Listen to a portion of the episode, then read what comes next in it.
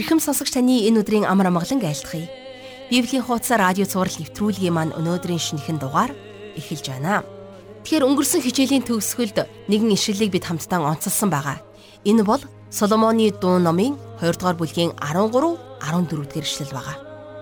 Сэрж босооч хайр минь ангал зохооны үе нүмердэн сууга аймгийн тагтаахан. Тэгэхээр өнгөрсөн хичээлийн төгсгөлд хадан дөмөрлөх бяцхан тагтаахан минь Бурхан биднийг өхөөрдөн дууддаг талаар бид хамтдаа ярилцсныг та санаж байгаах. Хайр хүмүүсийг өөрчилдөг. Тэгээд хайраасаа болоод нэг нэгнийгээ өхөөрдөн нэрлэж дуудахыг бид олонтоо сонсдог. Бурхан бидний гайхамшигтай хайраараа хайрлсан шүү. Амен. Түүний хайр биднийг зөвтгсөн юм а. Түүний хайр бидэнд Бурхантай ойр дотн харилцаатай болох тэрл гайхамшигтай харилцааг бидэнд санд болгосон. Тэр бидэнд амар тайвныг өгсөн Тиймээс итгэгчд бид Бурхны оршихуй дотор баяр хөөрөөр дүүрэн байх боломжтой болсон. Та бид энэ л боломж завшааны төлөө Бурханд талархал өргөхгүй гэж юу? Бурханд алдрыг өргөцгөөе. Тэгвэл бид Бурхныг таньж мэдэх хүсэл тэмүүлэлээр дүүрэн амьдрах ёстой маа. Бид ядарч сүлдсэн үедээ Бурхан эзэн дотроо хорогддог нэгэн байх учиртай маа. Эзэн Есүс Христэд итгэгч байхаас илүү ивэл ерөөл гэж энэ дэлхийд байхгүй. Ингээд бурхны тэрхүү гайхамшигтай хайрын нүмерийн талаар хичээлээ хамтдаа үргэлжлүүлэн сурцгаая. Өнөөдөр бид Соломоны дуу номын 1-р бүлгийн эхний дөрвөн ишлэлийг хамтдаа уншиж судлах болно. Ингээд хичээлийн энэ цагийг бурханд өргөж хамтдаа залбирцгаая. Бурхан аава, таньда үнэхээр талархал өргөн залбирч байна. Та бидэнд өөрийнхөө үгийг өгч, өдөр болгон бид таны үгээр замжуулан, хөглөгдөн, хөтлөгдөн байгаадаа талархал өргөн залбирч байна. Аава энэ өдөр ч гэсэн та бидэнд өөрийнхөө амьд ариун үгийг өгөөч. Биднийг хайрлсан таны агуу хайрыг бид улам илүүгээр таньж мэдэж бид зөвхөн оюун санаагаараа ойлгон ухаарах биш. Бид сүнс сэтгэлээрээ амьдралаараа таньж мэдэж бусдад гэрчлэн харуулахыг хүсэж байна. Их эзэн минь таньдаа талархаж байна. Таны мяндашгүй, таны хувиршгүй, таны өөрчлөгдөшгүй агуу хайрын төлөө талархал магтаалыг өргөж эзэн Есүсийн нэрээр залбирanгуйж байна. Амен. Ингээд хамтдаа жаргал агшиг хичээл анхаарлаа хандуулцгаая.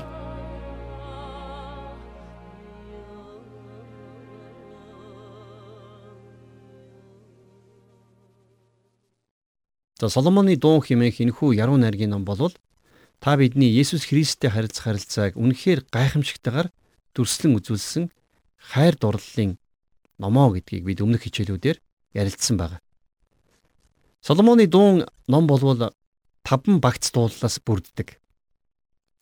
Уулархаг нутгийн шүнээ мохны тухай тийм гайхамшигтай түүхийг өгүүлдэг ном.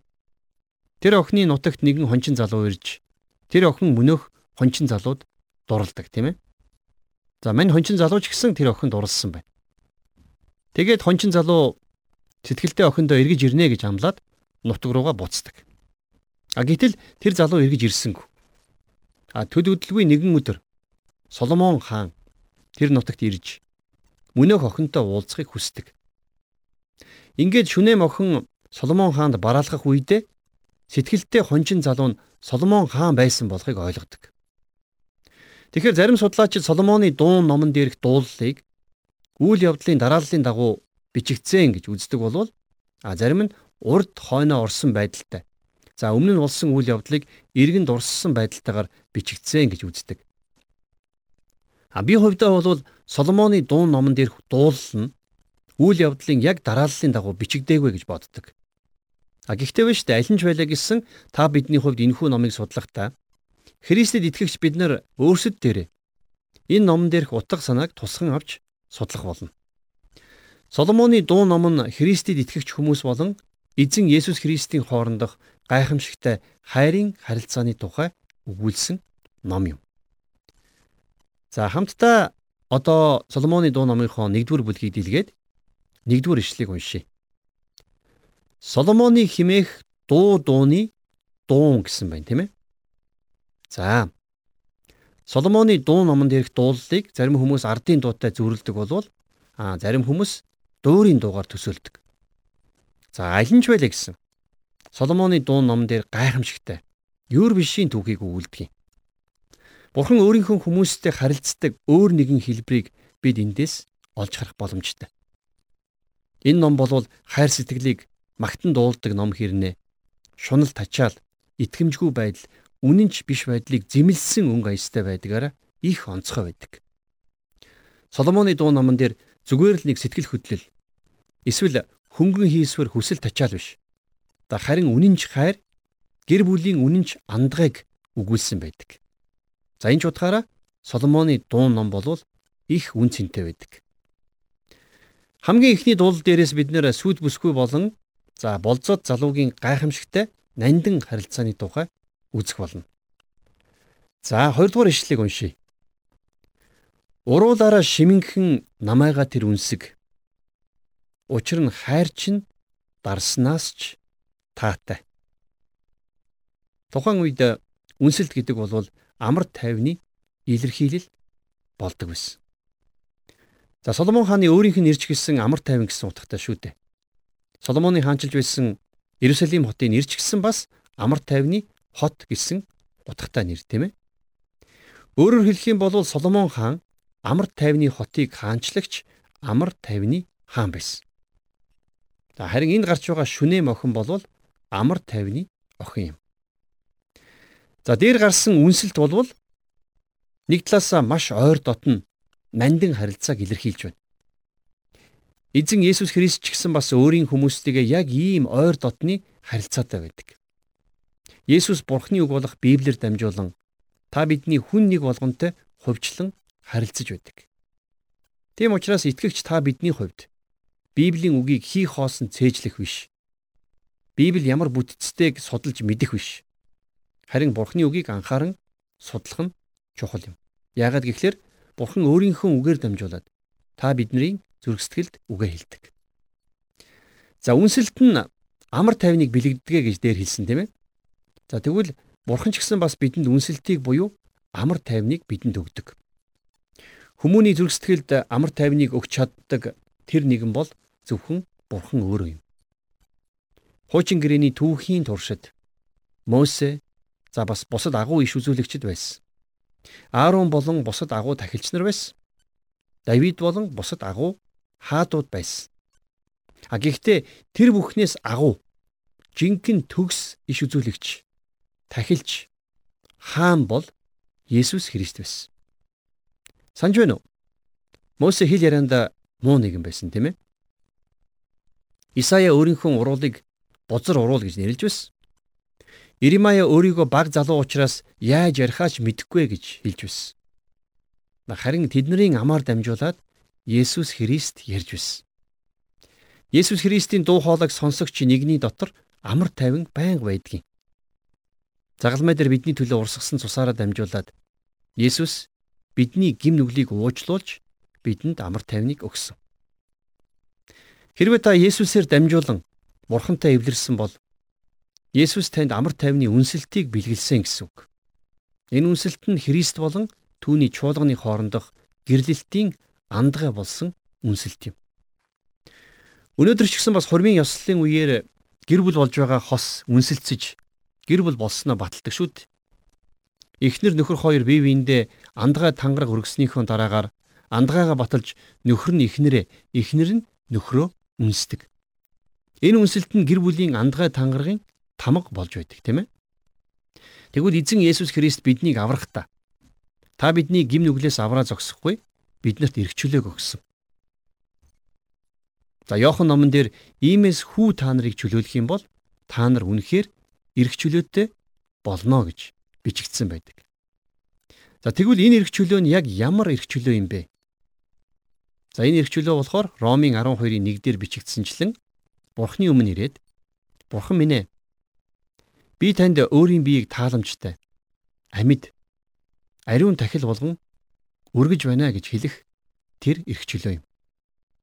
Бурханд өөрсдийгөө зориулж биднийг аварсан Есүс Христтэй хувьчилсан ойр дотн харилцаатай болох тэр эрхчлөөг ярьж байгаа юм.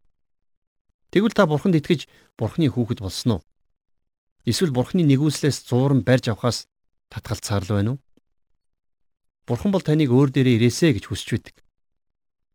Эфес номон дээр Бурхан бол хайр инрэл нэгүслэр элбэг баян бурхан гэж хэлсэн байдаг. Бурхан өөрийнхөө алдрын баялагийг та бидэнтэй хуваалцахыг хүсдэгэ гэж бас хэлсэн байна. Танд яг ямар үдгийг би мэдэхгүй харин миний хувьд гэх юм бол надад Бурханы өршөөл хэрэгтэй. Бурханы нэгүүлсэл хэрэгтэй. Есүс Христ та биднийг өөрлөгөө дуудаж биднийг урьж байдаг. Тийм ч учраас Есүс хэлэхдээ зүдэж зүтгэгсэд хийгээд хүнд ачаа үүрсэн бүгдээ над дээр ир. Би та нарыг амраая гэж хэлсэн. Энэ бол жинхэнэ амралт. Энэ бол 7 хоногт ганц өдөр амардаг тэр амралт биш. Энэ бол 7 хоногийн 7 өдрийн турш амрах тэр гайхалтай амралт. Бурхны аврал дотор амрах тэр амралтыг хэлж байгаа. Есүс та биднэрт буулгыг минь өөрсөд дээр ав. Надаас сур. Би дүлгүн зүрхэндээ дарав. Та нар сэтгэлдээ амралтыг олох болно. Буулга минь аятай. Ачаа минь хөнгөн гэж хэлсэн. Тэгэхээр Есүс Христтэй хамт нэг буулганд орно гэдэг үнэхээр гайхамшигтай. Үнэхээр юр босын харилцаа гэж би хэлмээр байна. Та бид нар Есүстэй нэг буулганд орох үед Есүс бидний өмнөөс бүх ачааг үрдэг. Бурхны хайр Есүс Христтэй харилцах харилцаа та бидний зүрхэнд юр бусын баяр хөөргийг өгч байдаг. Учир нь хайр чинь дарснаас ч таатай гэж бидний уншсан ишлэлдэр бичсэн байна. Тухайн үед дарс бол хамгийн тансаг, хамгийн дээд идэ ундаг бэлэгддэг байсан. Харин Бурхны хайр бол энэ дэлхийн ямар ч сайн сайхан зүйлсээс хавьгүй илүү гайхалтай гэдгийг энд өгүүлсэн байна. Энэ тухай Илч Паул Эфес хотынд бичсэн загтлынхаа 5 дугаар бүлгийн 18 дугаар эшлэлдэр хэлэхдээ Дарсанд бүс огтур эс бөгөөс хит самуурал бий болно. Харин сүнсээр дүүр гэсэн байдаг. Ариун сүнсээр дүүрэх үед э, та бидний дотор үгээр илэрхийлэхийн аргагүй баяр хөөр дүүрж байдаг. Есүс Христтэй ойрт дотн харилцаатай байж түүнтэй дотн нөхөрлөх тэрхүү нөхөрлөл та биднэрт юугаарч сольшгүй тэр их баяр хөөр амар тайвныг өгч байдгийг. Энэ зүйлийг та бид нэр тэр бүр сайн ойлгож ухаарч чаддгүй. Заримдаа бид нар зүгээр л сүм цуглаан болж тогж байгаа юм шиг надад санагддаг. Бид нар Христэд өөрсдийгөө зориулах гэдгийг шоргоолж шиг завгүй үйлчлэх мэтэр төсөөлж байдаг. Тэгээд шоргоолж шиг зүтгэн үйлчлэх үедээ бид нар Бурхны бидэнд өгөхийг хүсдэг тэрхүү амар тайван, тэрхүү баяр хөөргийг тэр болгон авч чаддгүй шүү дээ. 1-р Петрийн 1-ийн 8 дугаар эшлэлдэр та нар түүнийг хараагүй ч түүнийг хайрладаг. Идүгэ та нар түүнийг харахгүй байгаа ч түүнд итгэдэг. Та нар хэлхийн аргагүй алдраар дүүрэн баяр хөөрөөр ихэд баярлдгаа гэсэн байна. Гэтэл яг үнэндээ бидний итгэлийн амьдрал ийм гайхалтай баяр хөөрөөр дүүрэн байж чаддаг билүү? Иш үзүүлэгч Хабакук хэлэхдээ Инжирийн мод цэцэглээгүйч усан үзмийн мод үр жимсгүйч чидүүний ургац гарахгүй талбайд хүнс огт урахгүй байсан ч бас хашаандаа хоньгүй царвчандаа өхөргөө болсон ч эзний дотор би баясан хөөрч авралынхаа бурхан дотор баярлнаа гэсэн байна. Таны амьдралд ийм баяр хөөр байгаа юу? Үнэхээр бид нар энэ баяр хөөргийг мэдрэх үедээ ямар ч эргэлзээгүйгээр учир нь хайр чинь дарснаас ч таатай гэж дуу алдах боломжтой. Бидний амьдрал тохиолдох аливаа асуудал бэрхшээлийн өмнө бид нар бурхнаас ирэх баяр хөөрөөр дүүрэн байх учиртай. Аярх дарс гэдэг хүнд төрхөн зуурын баяр хөөргийг өгдөг. За магадгүй зовлон бэрхшээлийг төрхөн зуурал мартагнуулдаг. Гэхдээ эцэстээ хэрвээ аярх дарсанд хит автах юм бол архичин болж зовлонгийн талаад шумбдаг тийм ээ. Харин бурхны ариун сүнс та бидний амьдралд орж ирэх юм бол бидний амьдрал тэрхүү мөнхийн баяр хөөргийг авах болно. Бурхны ариун сүнс бидний амьдралд Бурхны хайрыг асгаж өгдөг юм. Тийм ч учраас бидний хүн нэг болгонд Бурхны ариун сүнс зайлшгүй хэрэгтэй. За 3 дугаар ишлэгийг одоо уншийе. Тос чин анги сингийн үнэртэй. Нэр чин цутгасан тос адил тул эмэс охид чамд дурлнаа. За энд гарч байгаа тос гэдэг үгийг бол бид одоогийнхор үнэртэй ус гэж ойлгож болно. Есүс Христийг энэ дэлхий дээр хүн болон мэдлэх үед түүн дээр мир химэх тосыг авчирч өгч байсан. За энэ бол онцгой сайхан үнэртэй тос. Есүсийг нас орсны дараа ч гэсэн бас мир химээх тосоор тосолсон байдаг. Үнэн дээр Есүс Христийн амьдрал тэр чигээр анхлан үнэр байсан. Бурхны хайр түүнээс нэвт үнэртэж байсан. Есүс Христ загламай дээр хадагдах үед түүнээс Бурхны хайр үнэртэж байсан гэдгийг битгий мартаарай. Дөрөвдүгээр ишлэл дээр Араасаа намайг дагуулаач. Алив бушуухан гүйцгээе. Хаантан намайг лаврандаа авчирвэ. Танийга бид багтанхан баясалдаж дарснаас жилүүдээ хайрыгтэн дээдлэнэм. Танд тэдний дуралдаг нь зөв байна юм гэсэн байна. Энэ бол Библиэлд гайхалтай ишлүүдийн нэг байгаамаа. Энэ ишлэл дээрээс Бурхныг хайрладаг, Бурхантай ойр дотн харилцаатай байхыг хүсдэг тэр итгэгч хүний доторх хандлагыг бид олж харж чадна. А гэхдээ нөгөө талаас бурхантай ийм ойр дотн харилцааг бид нар өөрсдийн хүчээр олж авах боломжгүй гэдгийг ч гэсэн бас бид нар ойлгож болно. Өөрөөр хэлэх юм бол бурхны оршихуй. Түүний хайр инрэл гэдэг гим нүгэлтэй хүмүүс бидний хувьд хүршгүй хитрхи өндөр юм. Энэ өндөрт бид нар өөрсдийн хүчээр юм уу өөрсдийн сайн үйлсээр хүрэх боломжгүй. Харин Бурхан өөрөө биднийг ийм өндөрлөг газарт авчрах боломжтой. Тийм ч учраас энд араасаа намайг дагуулаач ээ гэсэн үг гарсан байна, тийм ээ. Есүс бол Имануэль буюу бидэнтэй хамт байгаа Бурхан. Тэгвэл Есүсийн нэр таны хувьд яг ямар утга учиртай вэ? Та түүнтэй хамт байхыг хүсдэг үү? Хэрвээ та Есүс Христтэй хамт байх тэрхүү гайхамшигтай харилцааг огт амсаж үзээгүй бол Энэ ишлэл дээрх үгсийг анхааралтай сонсоорой. Сүд бүсгүй энд араасаа намайг дагуулаач гэж хэлсэн байна, тийм ээ? Тэгвэл хэрвээ та өнөөдөр Бурхны хүүхэд болсон бол Бурхны өмнө очиод намайг дагуулаач гэж гуйгаарай. Бурхны тэрхүү тэнгэрлэг оршихууруу намайг хөтлөн дагуулаач гэж гуйгаарай.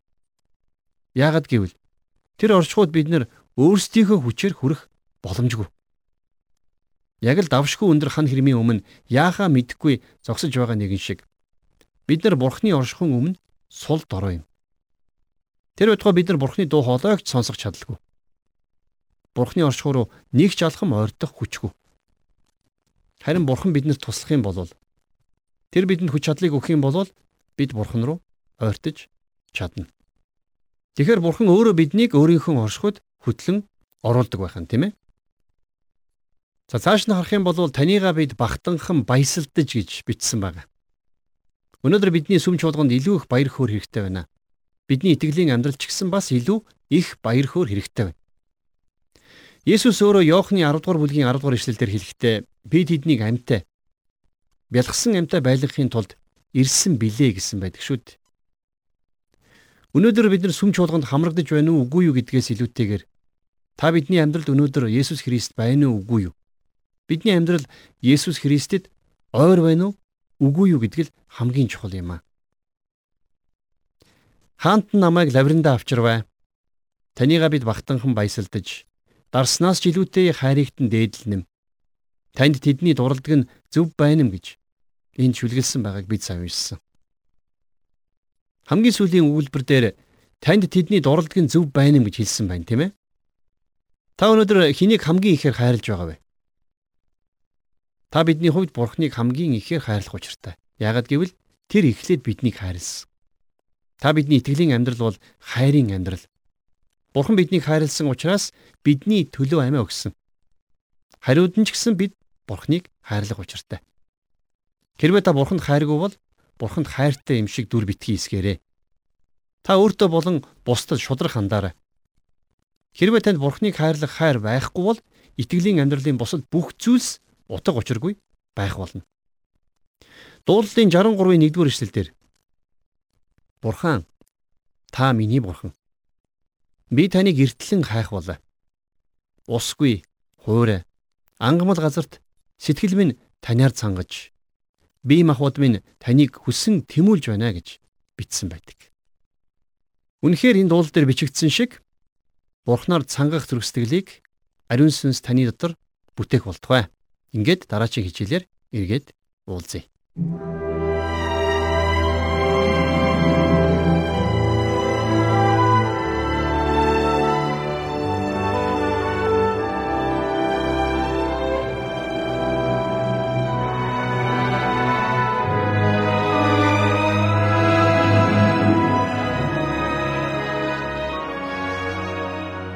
Өнөөдрийн хичээл үнэхээр гайхамшигтай сонирхолтой байлаа.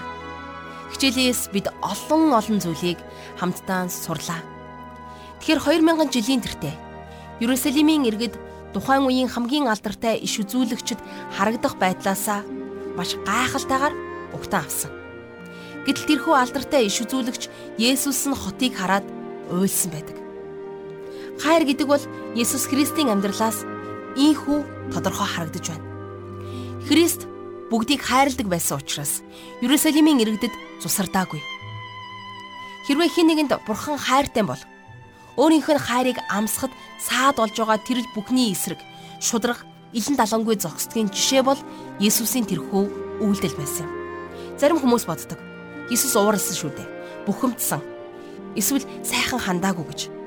Хүн хууртаж мэхлэгдэж болох боловч бурхан хизээж тэхгүй маа. Хинч бурханы хайрыг ашиглаж байсан удаа байхгүй. Тэгэхээр олон хүн луйварчдтай уулзсныхаа дараа Христэд итгэсэн болохоор нь итгэсэн гэж ярьдаг. Тэгвэл энэ талаар бурхан хүнд итгэхээс эзэнд найдаа гэж тодорхой зааж сургасныг бид хамтдаа санах л учиртай. Өнөөдрийн хичээл бол Соломоны дуу номын 1-р бүлгийн 1-ээс 4-р ишлэлийг бид хамтдаа сонсон суралцсан байгаа. Өнөөдөр сонсон сурсан болгоныхоо төлөө бурханд талархаж мөн бусдад энхүү ивэлээ хамтдаа хуваалццгаая. Хамтдаа залбирая. Бурхан Аава таньдаа талархал магтаалыг өргөн залбирч байна. Өнөөдөр энэ цагт бид таны үгээр дамжуулан бидэнд хандсан таны гайхамшигтай хайрыг бид ухаан ойлгон таньж мэдж байна. Эзэн бид зөвхөн оюун бодлороо таньж мэдэх биш. Бид амьдралаараа таньж мэдэж бусдад мөн гэрчлэн харуулахыг хүсэж байна. Бид таны хайр дотор амьдарч, таны хайрыг бусдад түгээн амьдрахыг хүсэж байна. Таны оршихуй зогсож, таны амар тайван, таны баяр хөөр, таны итгэл найдвараар дүүрэн бэлхахыг хүсэж байна. Тимээ аваа, та биднийг өдрөөс өдөрт улам илүүгээр ивэж, өрөөж өгөөч Бид таныг болон таны гайхамшигтай хайрыг өдрөөс өдөрт улам илүүгээр ойлгож ухаарахыг хүсэж байна. Бүхий зүйлийг таны мотор төргөж эзэн Есүсийн нэрээр залбирanгуйлаа. Амен.